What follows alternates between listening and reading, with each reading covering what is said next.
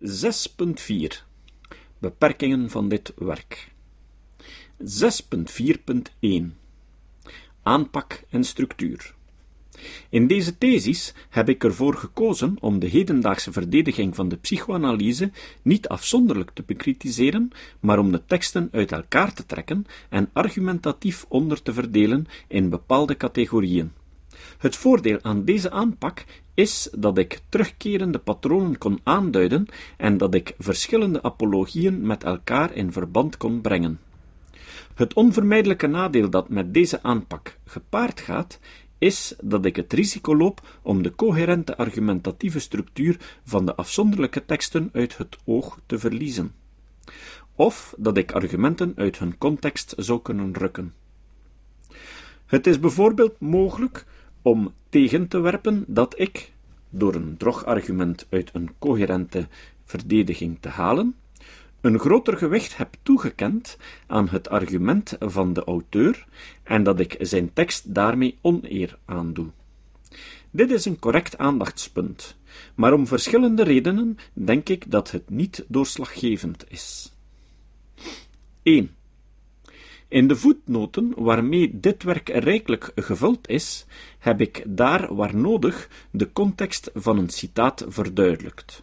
Bovendien hield ik me niet altijd strikt aan de indeling van de immunisatiestrategieën en heb ik op verschillende plaatsen iets dieper ingegaan op een afzonderlijke tekst. 2. Uiteraard heb ik binnen het bestek van deze tekst niet elk argument kunnen behandelen dat in de aangehaalde pro-psychoanalytische teksten gebruikt wordt. Niettemin ben ik ervan overtuigd dat ik zelden degelijke argumenten links heb laten liggen. Hier kom ik in punt 5 op terug. En daar is opnieuw de reeds vermelde eenvoudige reden voor. Waarom zou een psychoanalyticus zichzelf in discrediet brengen met drogargumenten, als hij over voldoende redelijke gronden beschikt om zijn standpunten te verdedigen? 3. Een aantal van de meest beroemde of gedegen hedendaagse verdedigingen van de psychoanalyse heb ik, verspreid over de verschillende hoofdstukken, uitvoeriger behandeld.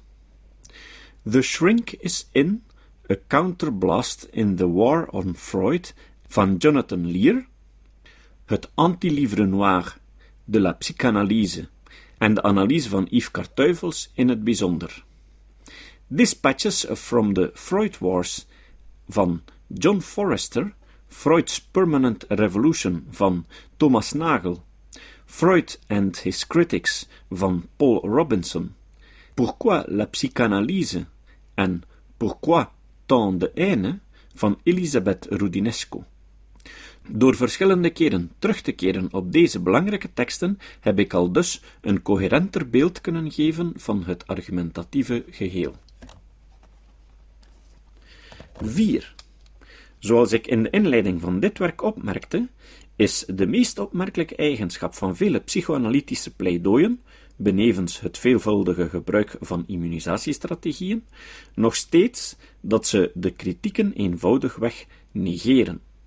Doorheen de verschillende hoofdstukken ben ik enkel terloops op dit punt ingegaan, niet in het minst omdat het natuurlijk interessanter is om te tonen dat argumenten fallacieus zijn, dan om aan te tonen dat argumenten blijken na ettelijke pagina's simpelweg afwezig te zijn.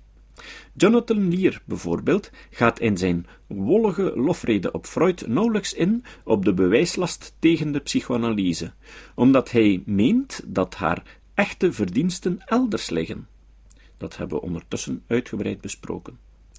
Terwijl hij zo de loftrompetten steekt over Freud, vindt Elier het ook niet erg, zie 5.10.2, om bij gelegenheid nog eens de hardnekkige mythes rond de aartsvader van de psychoanalyse op te rakelen. Zijn verbijsterende reactie op de historische revelaties over Freuds gemanipuleerde en verzonnen gevalstudies luidde dan ook: I couldn't care less. John Forrester's Dispatches from the Freud Wars bevat welgeteld één essay dat daadwerkelijk de controverse rond de psychoanalyse behandelt, In die tekst vangt Forrester aan met een paginalange uitweiding over één irrelevant zinnetje in de kritiek op de Wolfman-studie, om vervolgens te controleren dat de tegenstrijdigheid die hij meent te ontdekken typerend is voor de kritieken op Freud. Rudinesco van haar kant beschouwt de waarde van de psychoanalyse voor onze cultuur als zodanig vanzelfsprekend dat ze zich vreemd genoeg niet de moeite getroost om echte argumenten aan te dragen. Een beetje zoals een politicus tegen het standpunt van een collega protesteert door te zeggen: dat voorstel is niet democratisch in de veronderstelling dat een ieder van welke politieke strekking dan ook toch ten minste de beginselen van de democratie accepteert. Zegt Rudinesco in haar boeken: Die Freudbashers ontkennen het onbewuste. Ze willen de psychoanalyse doen verdwijnen. Stel je voor.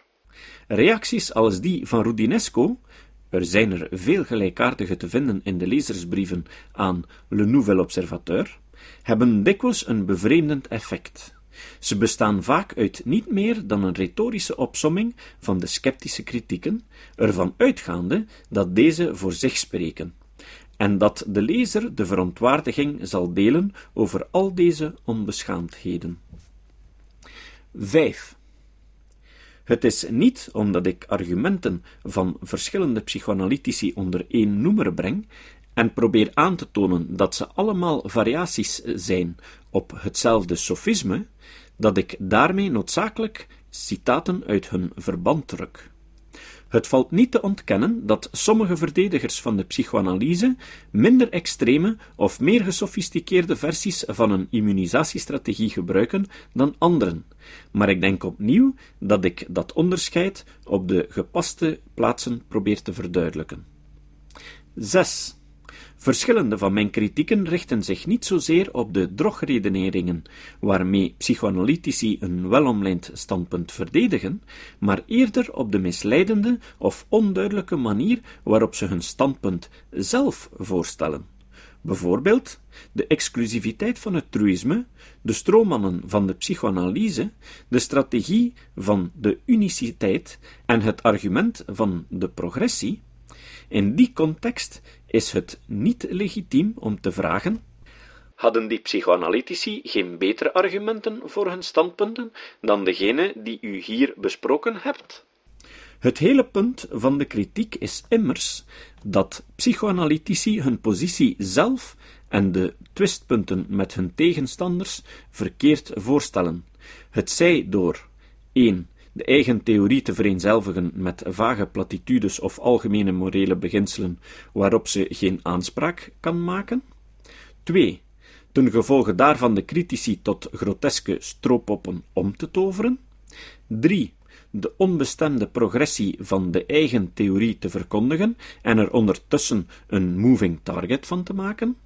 4 de valse indruk te wekken dat de psychoanalyse de radicale menselijke uniciteit verdedigt, omdat ze zogezegd niet categoriseert of abstraheert.